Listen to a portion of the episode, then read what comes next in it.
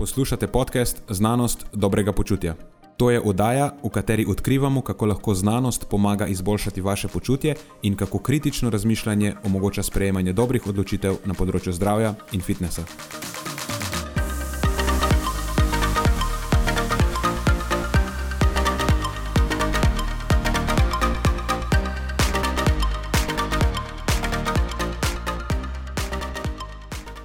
Pozdravljeni, z vami sva Nenad in moj sovoditelj Matjaš. Teme tokratne epizode so hujšanje z infraslim, prispevek o postenju na preverjeno, vpliv flavonoidov v kakavu na zdravje srca in ožilja ter vpliv spanja na uravnavanje apetita. Preden začnemo, pa se moram zahvaliti še našim sponzorjem. Zaenkrat to še vedno ni velika korporacija, temveč zvesti poslušalci, ki nam izkazujete zaupanje in podporo s prijavo v našo člansko skupino Znanost dobrega počutja. Hvala vsem, ki s tem držite luči prižgane in omogočate podkastu, da raste in postaja še bolj kakovosten. Hvala tudi vsem, ki nas podpirate s pozitivnimi komentarji in visokimi ocenami, ter s tem, da priporočate podcast svojim znancem in prijateljem. Zdaj pa je končno čas za začetek epizode. Uživajte ob poslušanju.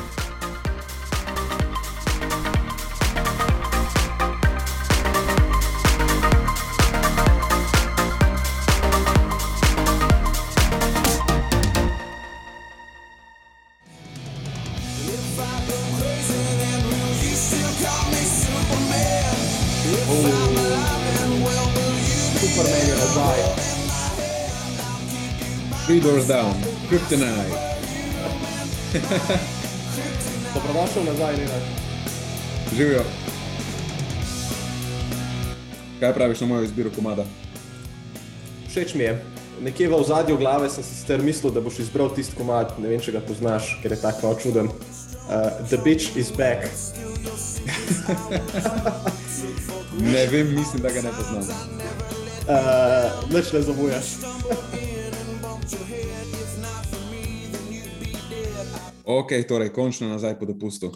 Uh, super, so, so noge prišle že k sebi, oziroma telo na splošno. So, presenetljivo hitro. Super. Uh, koliko kilometrov je bilo od kolesarjenih? Nekih 700, po moje.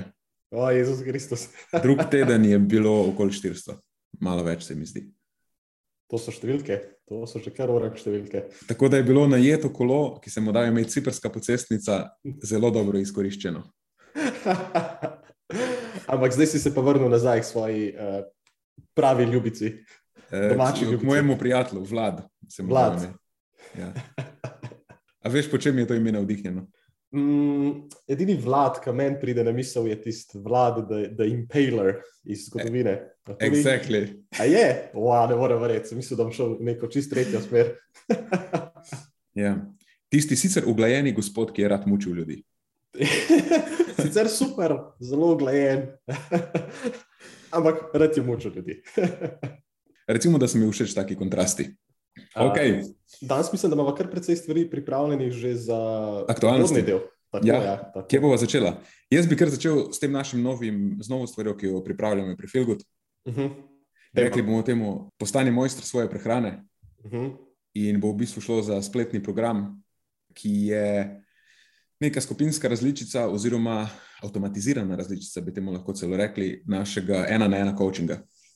Torej, to, kar smo do zdaj načeloma delali z ljudmi ena na ena, s čimer smo jih poskušali opolnomočiti, da prevzamejo kontrolo nad svojo prehrano, da jih neka vrsta avtošole je, pač, da naučimo ljudi, kako nadzorovati svojo prehrano, skoraj ne glede na cilje, ki jih imajo, pač tako, da se res razume prehrano, da se znajo zaščititi pred temi neumnostmi, ki krožijo, da znajo kontrolirati svojo prehrano, ali hočejo izgubiti telesno maso, ali hočejo pridobiti, kaj so pomembne stvari v prehrani, kje so hranila, na kjer morajo paziti.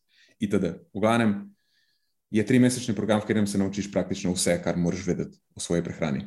V bistvu, kako bi temu rekla, je sicer evidence-based program, ki je strokoven, mislim, je strokovno dobro podkrepljen, ampak je vseeno poenostavljen do te mere, da ga vsak laik lahko razume. Pač res je narejen pragmatično. Zveš tisto, kar moraš vedeti. Vsebine so podkrepljene, veš, zakaj je nekaj tako, ampak v bistvu se naučiš praktičnih veščin. Ne bomo nobenega posiljevali s prekomerno teorijo. Povedal bom, to je po mojem nekaj, kar je ja. ljudi precej zanimalo, ker mislim, da pogosto, ko želijo iti v nek tak, neko tako sodelovanje, se mogoče bojijo, da bo to zelo, zelo, zelo nekako teoretično obarvano in da se bo mogel ne vem kaj piflet. Pa ni tako. Ja, tu tudi prilagojeno je tako, da pač vsak lahko prebere. So neke nujne vsebine, ki so pač eh, temeljne vsebine, so videi, ki bodo posneti vnaprej, tako v neki obliki skoraj kratkih predavanj, par minutnih in potem bo lahko šel to mogoče malo globje, če bo hotel, ampak ne bo pa rabo, če te stvari ne zanimajo. Uh, razporejeno bo po sklopih, vsak teden nekaj, v zaporednih korakih, tako kot načeloma smo delali pri coachingu ena na ena. Um, bo potem vsak teden še skupinski klic, kjer bomo to teorijo dejansko prevedli v specifično prakso vsakega udeleženca. Je pa seveda število omejeno, ker obstaja zgornja meja, s kolikimi pa vse lahko na dokaj kakovostni ravni upraviš tako zadevo. Ne, ne more biti 20 jih vključenih, uh mhm. -huh. ja, ker se pač začne izgubljati na kakovosti. Tako. In to je mogoče še eno vprašanje, ki bi znalo pas na pamet, če kvaliteta dela na tak način pade. Ampak ne, beta verzija recimo, tega je že stekla in ja. so bili super rezultati. Ja, na, do zdaj smo v bistvu, uh, zdaj bo ta zadeva samo malo bolj avtomatizirana in pripravljena kot pravi kurikulum. Drugače, te stvari smo v preteklosti izvajali že večkrat, kot za zaprte skupine, za kakšne džime, za udeležence teh džimov, za podjetja in tako naprej. Zdaj bo pa pač na voljo vsem, da se prijavijo. Odlično, odlično. Se že veselim, da odpremo to. Tudi jaz. Coming soon. Ja, tako je, coming soon. Tako da, evo, to je mogoče najbolj pomembna novica, ki jo imamo pri Filgudu. Uh mhm. -huh. Naslednja stvar, ki bi jo jaz rad izpostavil, je to je bilo predvčeraj, zdaj danes, ki snemamo, je četrtek, je bil objavljen prispevek na preverjeno o prekinitvenem postenju, ki je bil, ne bova izgubljala preveč besed, ampak bil je izjemno pristranski, vsaj meni se je zdelo. Bila je skoraj propaganda o mhm. postenju, kako je postoh in spoh super. Zaskrbljujoče je pa to, da so se navezovali skoraj izključno na anekdote nekih ljudi, ki so to probali in so govorili o svojih izkušnjah, in vemo, kako je s temi stvarmi ljudje smo potem zelo pristranski, če mislimo, da nam je nekaj delovalo, kljub temu, da spoh ne vemo, če je res to delovalo. Veš, kaj ponovadi, ker se ljudje odločijo za tak eh, skrajen res v prehrano, kot je post, spremenijo še marsikaj drugega. In je bilo tako zelo zanimivo opazovati, kaj so ljudje vse pripisovali temu postu, do čim vemo, da v bistvu so bili najbrž učinki tega, kar so oni pripisali samemu postu, v resnici posledica najbrž tistih še drugih prilagoditev ali pa sprememb, ki so se zgodile kot posledica posta recimo izguba telesne mase in tako naprej. Uh, Ker ponavadi je izguba telesne mase tista, ki lahko tako, zelo drastično izboljša stanje nekoga, ki je bil prej prekomerno zamaščen. Recimo, uh mhm. -huh. In so bili, te anekdote so bili skoraj izključni ljudje, ki so imeli prej odvečno telesno maso in so potem tekom tega izgubili to telesno maso. Ampak to telesno maso lahko izgubiš tudi na drug, malo bolj uh, človeški način, uh, rečemo temu. Drugač pa še ena stvar, ki me je zmotila, je ta, da so, ne vem, koliko krat so omenili, da je človek prilagojen za pomankanje. Ne, človek ni prilagojen za pomankanje. Pač človeško telo je evolviralo v ja, nekem okolju, kjer hrana ni bila vedno na voljo, ampak človek je še vedno prilagojen za to, da se pač nahrani, da se nahrani optimalno, ne zato, da strada celo življenje. Potem en del kasneje je bil sicer, so ga namenili dejanskemu strokovnjaku na področju raziskovanja eh, kalorične restrikcije za podaljšanje življenja, ampak spet, mislim, se on ni naredil nič narobe, on je samo predstavil svojo, svoje področje. Uh, to je dr. Sedej iz Medicinske univerze v Gracu. On se ukvarja z raziskovanjem kalorične restrikcije, predvsem na, mislim, da na, na kvasovkah ali, ali nekih celičnih kulturah, ne dejansko na ljudeh. Uh mhm. -huh. In ja, obstajajo neki dokazi, ki kažejo, da lahko eh, neka energijska restrikcija mogoče malo podaljša življenje teh celic ali pa nekih živalskih modelov in tako naprej. Sam pri ljudeh nimamo nobenega dokaza, da lahko to kakorkoli signifikantno, koristno vpliva na eh, dolžino življenja. Druga stvar pa je, da v bistvu imamo kar nekaj dokazov, ki pa nakazujejo na to, da pa lahko zmanjša kakovost življenja. Ker, hm, spoh, če je ta post tako neprimeren, da zaradi tega pride do nižjega vnosa beljakovin itd. itd. Ker to pa vemo, da recimo starostniki so že tako, tako izpostavljeni izgubi funkcionalne mase, kostne gostote in tako naprej. In pač neko postenje lahko pri njih to še sam poslabša, kar pomeni, da bodo hitreje bodo postali fragilni, hitreje bodo izgubljali avtonomijo. In ne pridemo samo do tega, da se sprašujemo, kako dolgo nekdo živi, ampak kako kakovostno živi. Ker jaz uh -huh. bi raje živel maksimalno kakovostno, ne vem, do, pa rečemo, do, do 80. Kot pa da živim do 100. leta, ampak 40 let pa sem shiran, dobesedno po 60. Uh -huh. Tako da to so vse te stvari, malo boljše treba postaviti v kontekst. In novinar je tisti, ki je kriv, da tega ni naredil. Pač niso bile dobro postavljene v kontekst. Na koncu sicer je bilo, ja, za raka bolnika absolutno se to odsvetuje, ker pač morajo pojesti za dost, ker drugače je prognoza slabša, sploh ne če so na kemoterapiji in tako naprej, pa ker vemo, da so v hektičnem stanju, kjer so bolj izraženi katabolni procesi in tako naprej. Eh, tako da oni pač hirajo še hitreje in pol, če jih daš še na post, pa hirajo in umrejo. Eh, zdravljenje, zdravljenje ne, ne bo uspešno. Um, ampak so pa pozabili se pa omeniti kup enih uh, skupin ljudi, ki so pa sicer zdravi, pa za kere ima lahko tudi neugodne učinke. Ne? Ok, starostnike smo že rekli, nosečnice, mogoče so celo rekli, ne spomnim se, um, mladostniki so bili neki malo omenjeni, ampak niso pa skoraj nič rekli o športnikih. Uh mhm. -huh. Za športnike se mi pa zdi, da to pa lahko ti poveš, boljše, absolutno neprimerno prekinitveno postenje. Ja, absolutno, definitivno. Ehm, kako si predstavljaš situacijo upravljanja eh, nekih kvalitetnih treningov, ko se polovico dneva dobesedno hiraš? Kako si predstavljaš, da boš te zelo visoke dnevne energijske potrebe že tako ali tako pokril v kakšnih situacijah, če je že cel dan, potem pa to prekineš dobesedno na pol? Eh, ne da se, to je zelo problematično. In potem pridejo posamezniki, ki imajo rede sindrom, ki, ki so kronično podhranjeni, katerih krvna slika je, je za nič pa so mladi posamezniki, ne, ki se posledice potem odražajo lahko dejansko še zelo, ja. zelo dolgo časa v prihodnosti. Ja. Sploh pri njih je res vidno, da pride do, do raznih sprememb, tako uh, imunoloških, hematoloških, hormonskih. Tako. Tako pač so anemični, moški, skoraj brez testosterona, v letih, ki bi ga mogli imeti največ, ja. ženske, ki jim izpade menstrualni cikl. Točno to, da ne govorimo o nekem psihološkem bremenu, ki jih potem ja. to nosi seboj. In spet pri takih letih, ki so že tako, tako najbrž precej zahtevni, za mladostnike. In mislim, da je ta, ta tak pristranski prispevek je pač res je izredno problematičen. In tudi dejansko imamo dokaze, da par ur po predvajanju te vdaje je kolegica Marina Zakič, dietetičarka, dobila sporočilo od ene svojih varovank, da bi lahko zdaj jaz začela postenje, da bi lahko mi vključili postenje, ker to očitno deluje, ker so rekli. Uh mhm. -huh. Rekli so, da deluje. Dočim ona s to gospod dela že več časa in sta ugotovili, da za to gospod izpuščanje zajtrka absolutno ni primerno, ker če izpusti zajtrk, se potem kasneje v dnevu prenajeda, ker ne more kontrolirati svojega apetita. In ta gospa, če ne bi imela strokovnega vodstva Marine, bi najbrž sprejela odločitev na podlagi te vodaje, ki bi bila za njeno zdravje škodljiva. Tako da, ne, sej pol smo dejansko smo napisali v okviru te naše inicijative Rešimo prehrano, znotraj kjer se borimo proti točno takim stvarem, eh, zavajanju, pa pristranskemu predstavljanju tematik na področju prehrane, eh, zavajanju. Um, da se moramo resno vprašati, ne samo o relevantnosti tega prispevka, ampak tudi o novinarski etičnosti. Mislim, da tukaj novinari morajo prevzeti malo več odgovornosti, sploh ko govorijo o temah, ki se dotikajo zdravja. Tako da mogoče na tej točki lahko še izpostaviva, kje, kje lahko ljudje najdejo ta prispevek. Ja, to je pa na našem, na našem mediju profilu, je objavljen prispevek kot članek, smo ga pa vsi mi v bistvu delili na svojih tudi osebnih profilih, tako da bo ga lahko najdete tudi tam. Tako da vsi člani inicijative, drugače pa eh, medium.com, mislim, da je slash, to je pa afna, pa res imamo prehrano. Uh. -huh. Eh, tako da tam so pa tudi ostali naši članki zbrani, pa naš position statement. Mm, in eh, okay. tam se bodo tudi v bodoče nabirali še naslednji ja, članki. Načeloma bo inicijativa tam objavljala vse take in podobne zadeve. Ok, da razgubljamo preveč časa uh mhm. na tej točki.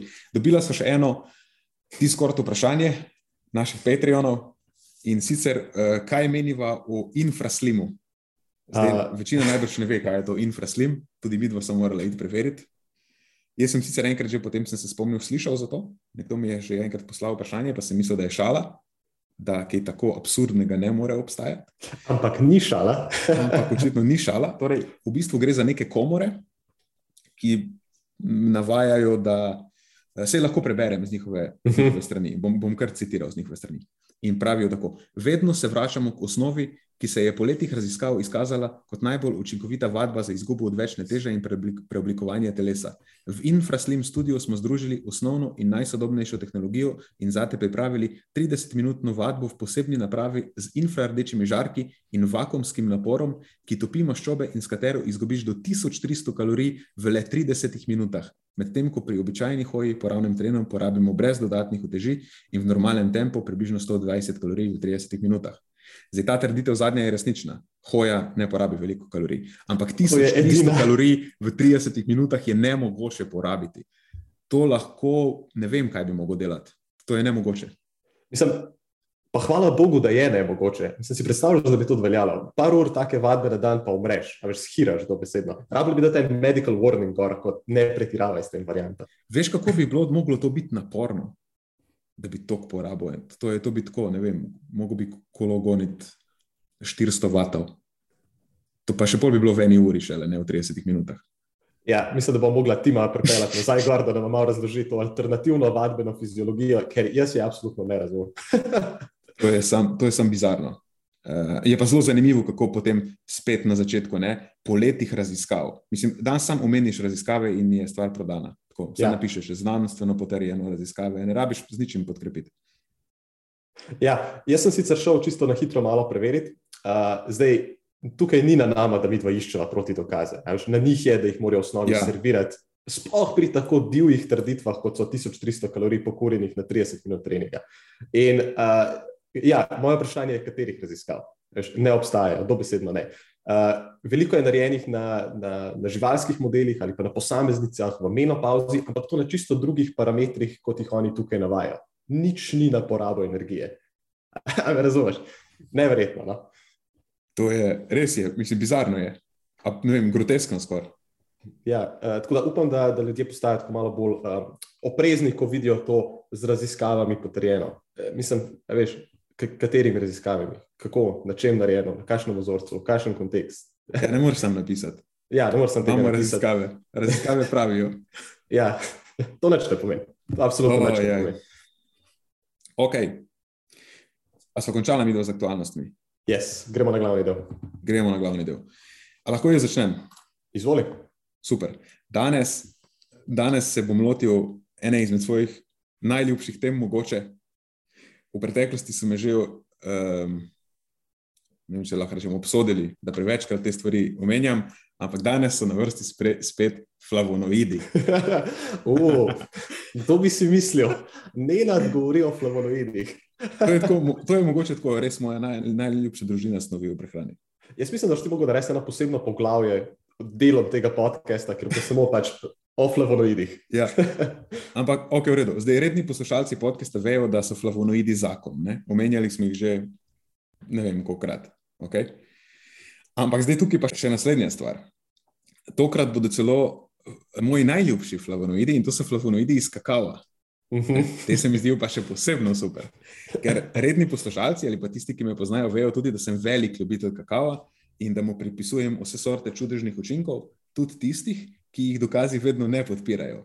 Tako da moje osebno pristransko mnenje je, da je kakav super hrana. In kakav je nekaj, kar lahko iz navadnega, povprečnega posameznika naredi super heroja, poveča njegove kognitivne kapacitete, moč, vzdržljivost in pri moških, kar je najpomembnejše, potentnost. In uh, ne uganam, uh, kopal si se v kakavo v tem svojem času, ko si bil v Cipru, ali da si preživel to, to vadbeno obdobje? Ne, veš kaj, na Cipru nisem dobil dobrega kakava, mogel sem piti Nesquik. Ampak je po moje, moj vnos kakava tako visok, da ta dva tedna. Nista naredila razlike. Ja, ni bilo za dost, da bi vplivala na karkoli. Ampak ok, v redu, da je šala na stran, ne? to je bila zdaj šala, upam, da se je prepoznalo. V kakavu je podskupina flavonoidov, ki jim rečemo flavantrioli in proantocianidini. In te so dejansko eni izmed bolj obetajočih flavonoidov, kar se tiče eh, relevantnih učinkov na človeško zdravje. Zdaj, v prejšnjih epizodah vem, da so omenjala predvsem vpliv flavonoidov na kognitivno zdravje, oziroma pač zdravje možganov, in številne kontrolirane intervencijske raziskave, tudi so jih omenjala v prejšnjih podcestih, kažejo, da flavonoidi že akutno izboljšajo kognicijo, lahko. da imamo precej dobre dokaze za to. In v enem izmed člankov, oziroma v bistvu v tistih smernicah, ki sem jih pripravljal za zdravo glavo, PKC oziroma za Sinapso, za Slovensko združenje za neuroznanost. To so mimo grede prve slovenske smernice za prehrano v preventivi pred neurodegenerativnimi stanji, če smem malo zapihati v svoj rog. Ampak, no, kakorkoli. Tam sem zapisal, da kar je dobro za srce, je skoraj po pravilu dobro tudi za možgane, oziroma dobro za glavo. In flavonoidi so dobri za možgane, najbrž glih zaradi tega, ker so v prvi vrsti dobri za srce in ožilje. Eh, v raziskavah, ki ugotavljajo ugoden učinek flavonoidov na kognicijo, se ponavadi pokaže tudi povečan eh, dotok krvi v možgane. In točno ta povečan dotok krvi v možgane je pomemben nek indikator, eh, da so flavonoidi koristni za srce in ožilje. Tako specifično kakavovi flavonoidi to bo pa zdaj mogoče tebi blizu, delujejo preko encima NOS, torej nitric oxide synthase, dušikove oksid sintaze po slovensko, in to poveča ravni dušikovega oksida in posledično izboljša vazodilatacijo, to je širjenje žil po domače, in zniža krvni tlak. In od tukaj v bistvu izvira tista moja šala, ki je samo delno šala v bistvu, ki bi bila, bila resnična, vsaj malo, da kakav izboljša človekovo potentnost. Mhm. Mhm. Eh, plus, poleg dokazov, da zadeva zniža krvni tlak in izboljša endotelijsko funkcijo, torej da izboljša funkcijo žilne stene, obstajajo tudi rezultati raziskav, ki višji vnos flavonoidov iz kakava povezujejo z nižjimi ravni holesterola eh, in v bistvu tudi drugimi pomembnimi kazalci srčno-žilnega tveganja, da ne, ne naštevamo vseh. Eh, torej, te flavonoidi iz kakava imajo potencial, imajo potencial za izboljšanje zdravja srca in ožilja. In poznamo možne mehanizme, in obstaja torej kar nekaj pomembnih povezav z ugodnimi izidi. Ampak v bistvu do nedavnega ni bilo neke dobre raziskave, ki bi pa beležila dejansko končne izide. Veš, v smislu, koliko je bilo hospitaliziranih ali pa mrtvih ljudi zaradi srčno-žilnih vzrokov po nekem obdobju. Pač večinoma so bile samo neki mehanizmi ali pa um, dejavniki tveganja, akutni izidi in, in tako naprej. Ne? Ni bila dejansko umrljivost zabeležena, ali pa, ali pa kako rečeno, hospitalizacije. Um, no, in tukaj zdaj vstopi tokratni glavni članek, ki ga hočem predstaviti. To so SESO in sodelavci iz Cosmos Research Group. Naslov članka je Effects of Cocoa Flavonol Supplementation for Prevention of Cardiovascular Disease Events, the Cosmos Randomized Clinical Trial. Uh, revija, v kateri je bilo to objavljeno, je American Journal of Clinical Nutrition, letnica je pa čist sveža 2022. Zdaj, kar se tiče te raziskave, Cosmos je kratica, uh, kar sicer pomeni The Cocoa Supplement and Multivitamin Outcomes Study, in je bila opravljena kot, to je pa zdaj pomembno, pragmatična, randomizirana, kontrolirana raziskava, ki je preučevala učinke ekstrakta kakava z ali pa brez dodatka multivitamina pri moških in ženskah, starih čez 60 let. Zdaj, zakaj je to pomembno, da je pragmatična?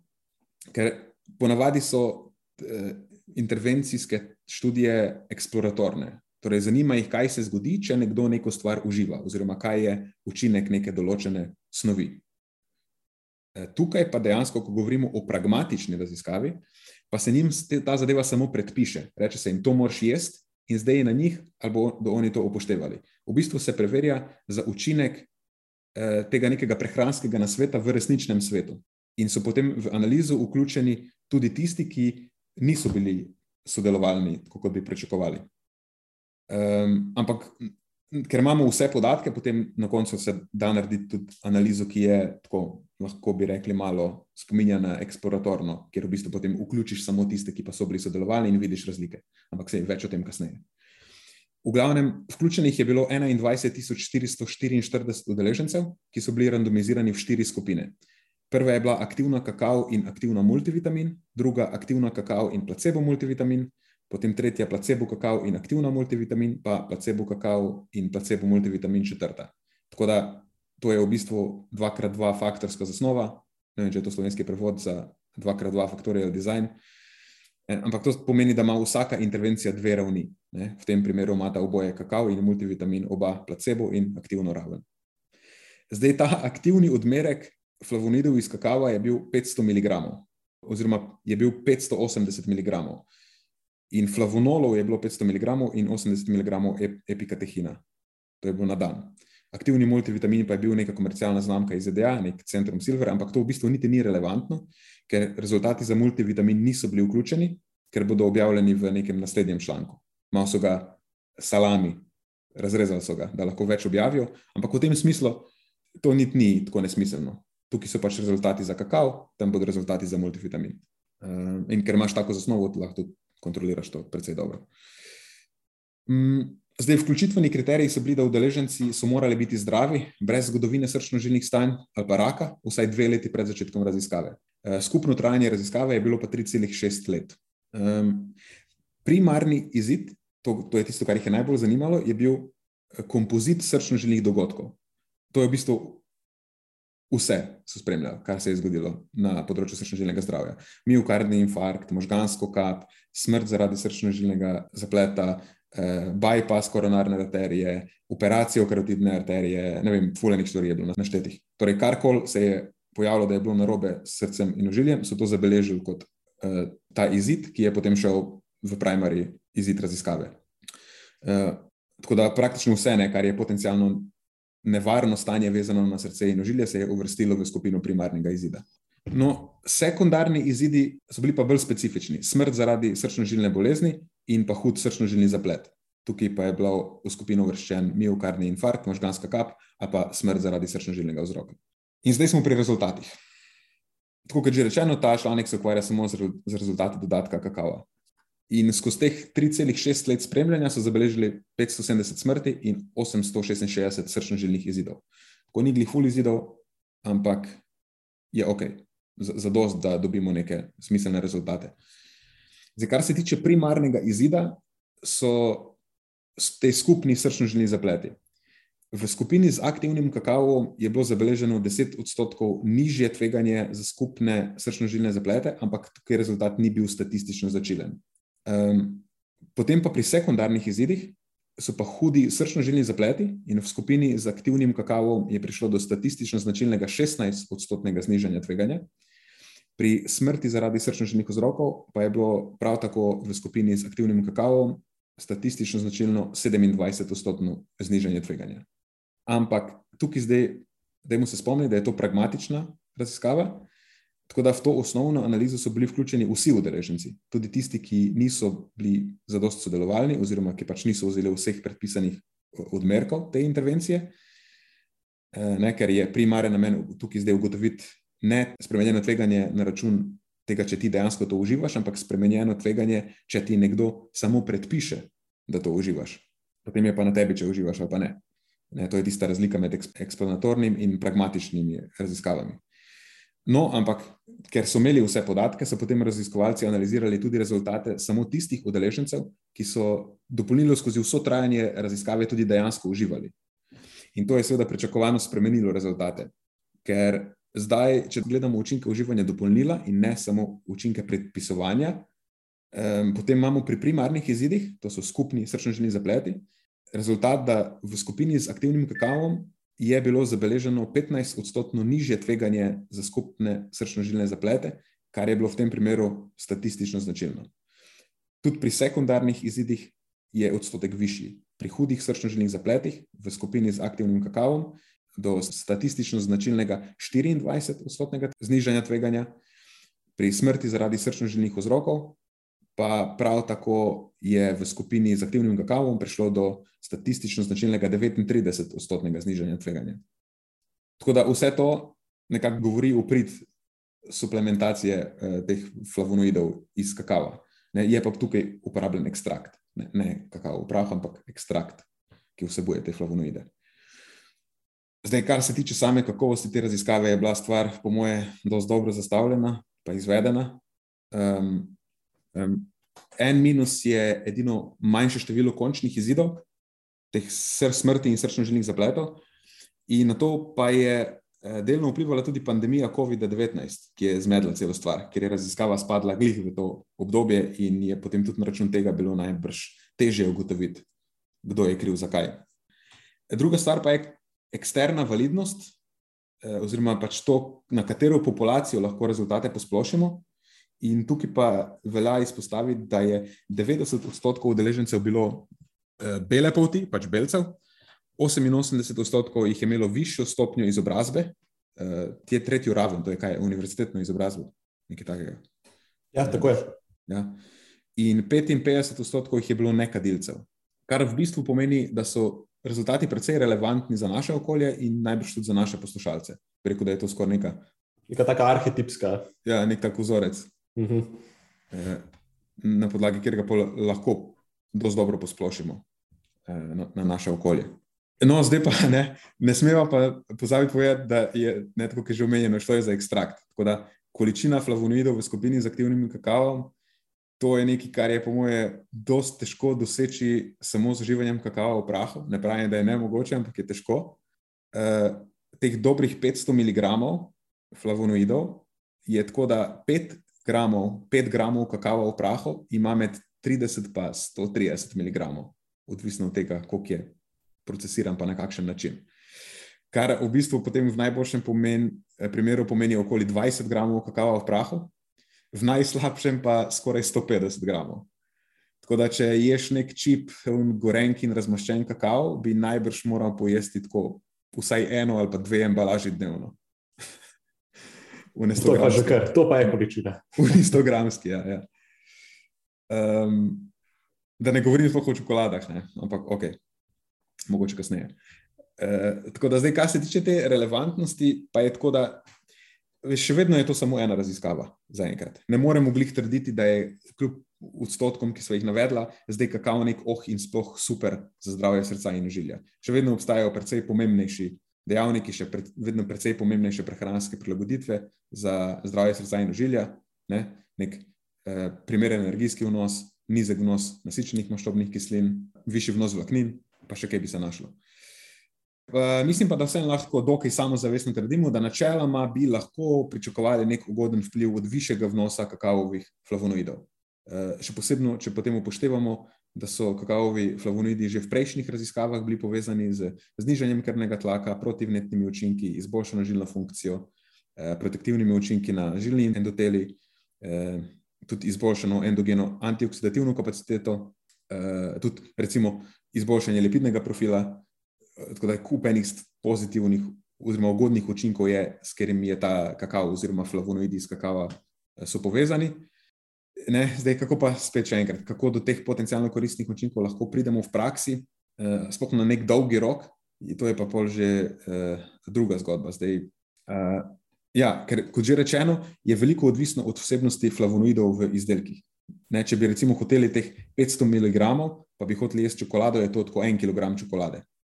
Ampak je pa tako, da v prejšnjih raziskavah so bili pokazani ugodni učinki uživanja kakavovih flavonoidov že z nižjimi odmerki, tudi s 30 in tam do 240, kar je precej manjši odmerek kot 500 mg, ki so ga uporabili v tej raziskavi SESA in sodelavci. In to pa je že nekaj, kar lahko zaužiješ, recimo z slabimi 50 grami unebel kakovostne temne čokolade, recimo 80 odstotne ali pa recimo z tem, recimo 5 do 10 grami kakovostnega kakava v prahu. Plus, treba je še izpostaviti, da flavonoidi, ki so sorodni tistim v kakavu, se nahajajo tudi v drugih živilih, recimo v pravem čaju, jagodičju, zelenjavi in tako dalje. Tako da, kar se tiče zdaj nekega praktičnega priporočila na koncu, eh, po mojem, ga lahko vzamem kar iz mojega jedilnika, to, je, to je moja praksa. Meni nekako uspe porabiti 15 do 30 gramov kakava v prahu. Ponovadi vzamem tistega, ki je malo bolj tafin. In eh, če poleg tega vključiš potem še 2 do 4 porcije zelenjave dnevno, pa kako sadja, eh, sploh če se marmelada šteje kot sadje. Ampak v bistvu v tem primeru mogoče celo lahko se, ker marmelada iz jagodiča je dejansko lahko ok, vir flavonoidov. Mislim, da lahko dosežeš to številko, tudi s prehrano. Uh mhm. -huh. Zdaj, v eni izmed preteklih raziskav, ki si obdeloval na to temo flavonoidov, si omenjal, da je bilo, če se motim, cca 10 gramov dovolj za nek pozitiven učinek na kognicijo. Ja, tako je. Ja, ja. Ampak tam smo imeli res dober kakav. A moramo zdaj prilagoditi ta naš uh, feel good super shake, 300 gramov jagodiča in 10 gramov kakava v prahu. A to še vedno stoji? Ja, moje žela vedno drži, stoji. Ja. Okay. Mislim, je v skladu s tem, kar sem zdaj povedala. Če je dober kakav, je teh 10 gramov zadost. Okay. Super. To je to. Nova, nova science epizoda pomeni tudi novo pivsko igro.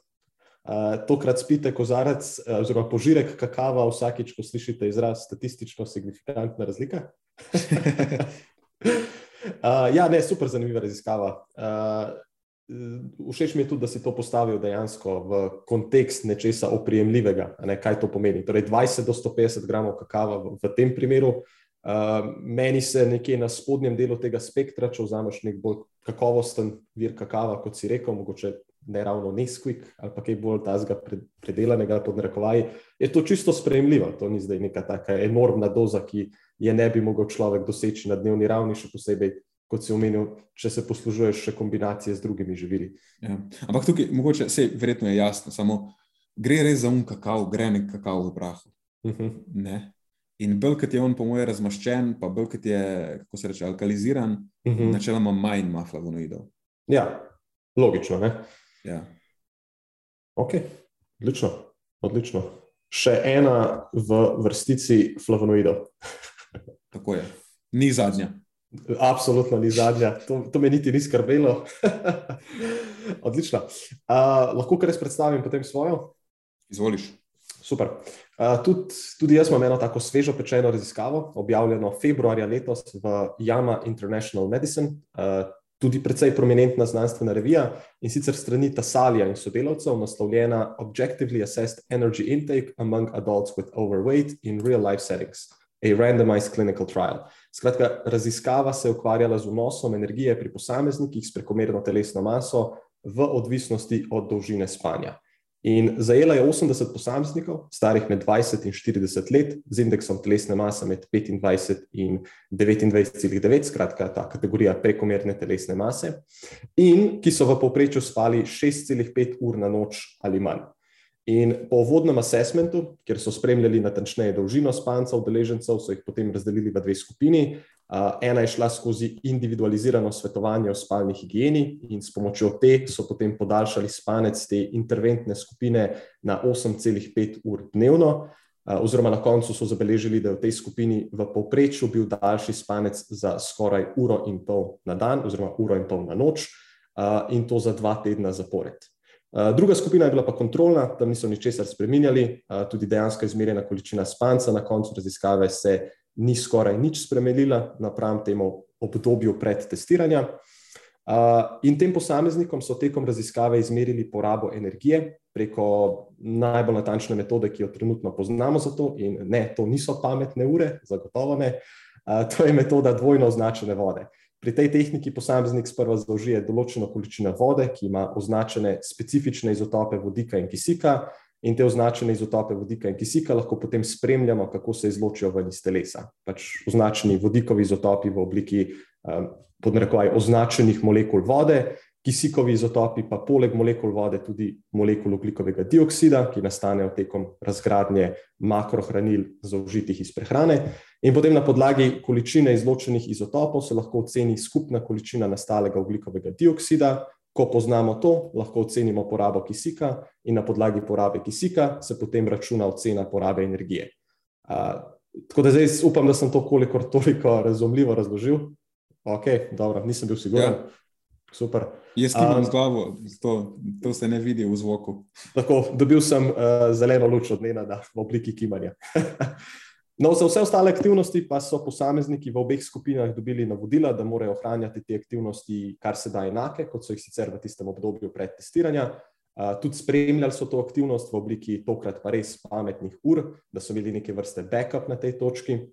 Kar se tiče prehrane, pa jim niso dali nobenih navodil, ne v interventni skupini, ne v kontrolni skupini, samo spremljali so, se, so kaj se dogaja z vnosom energije.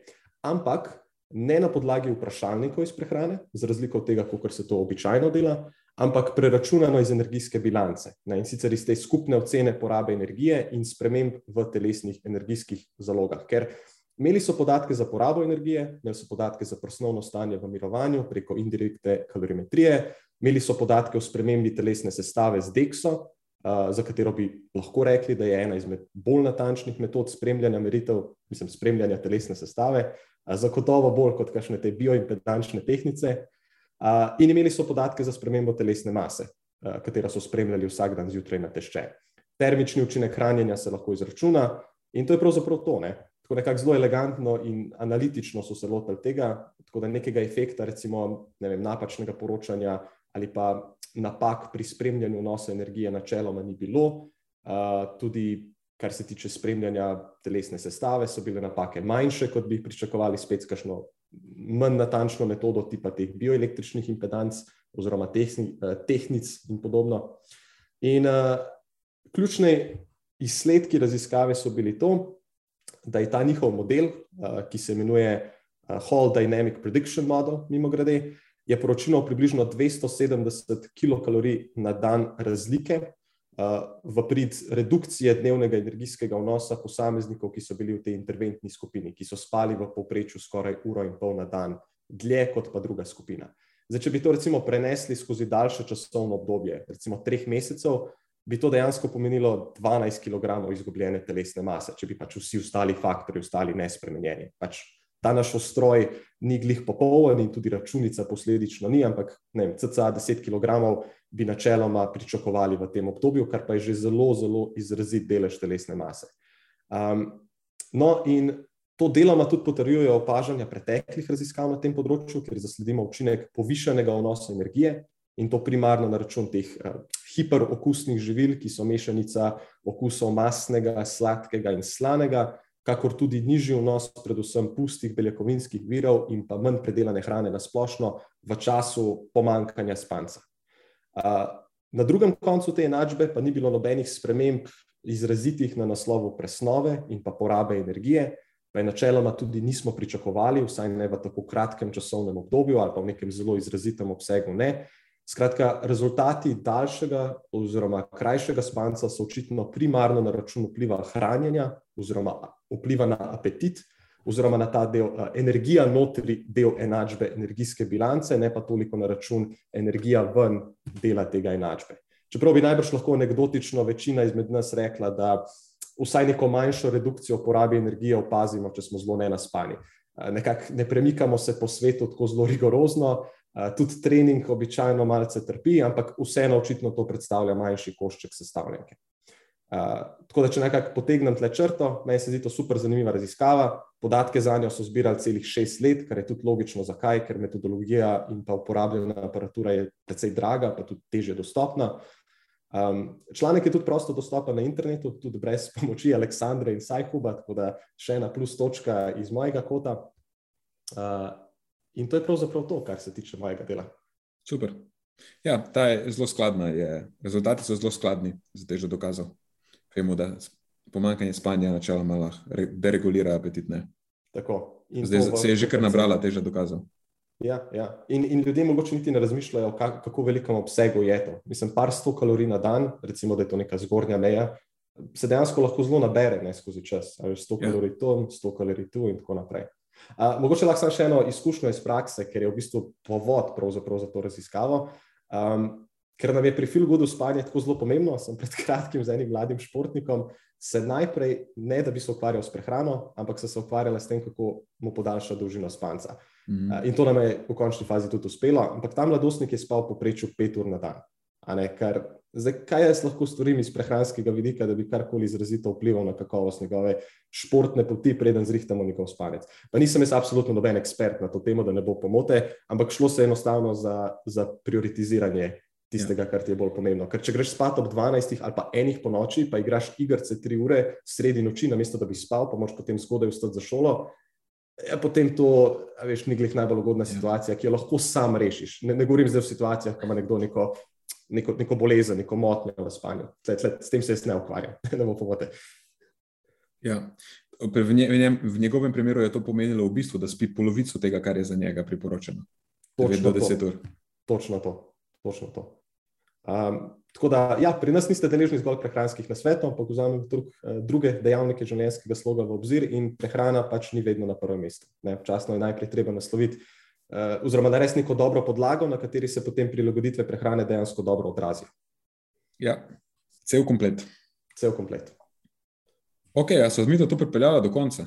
Ja, to bo pa tako zelo straight to the point epizoda, nobenega odvečnega da... balasta. Uh, mislim, da so kar obdelali neke teme. Ja, ogromno, nas pa res ogromno. Ok. Super. Super, mogoče, pa, mogoče nam je koristil ta en tedenski odmor. Pa mislim, da je. Zna biti.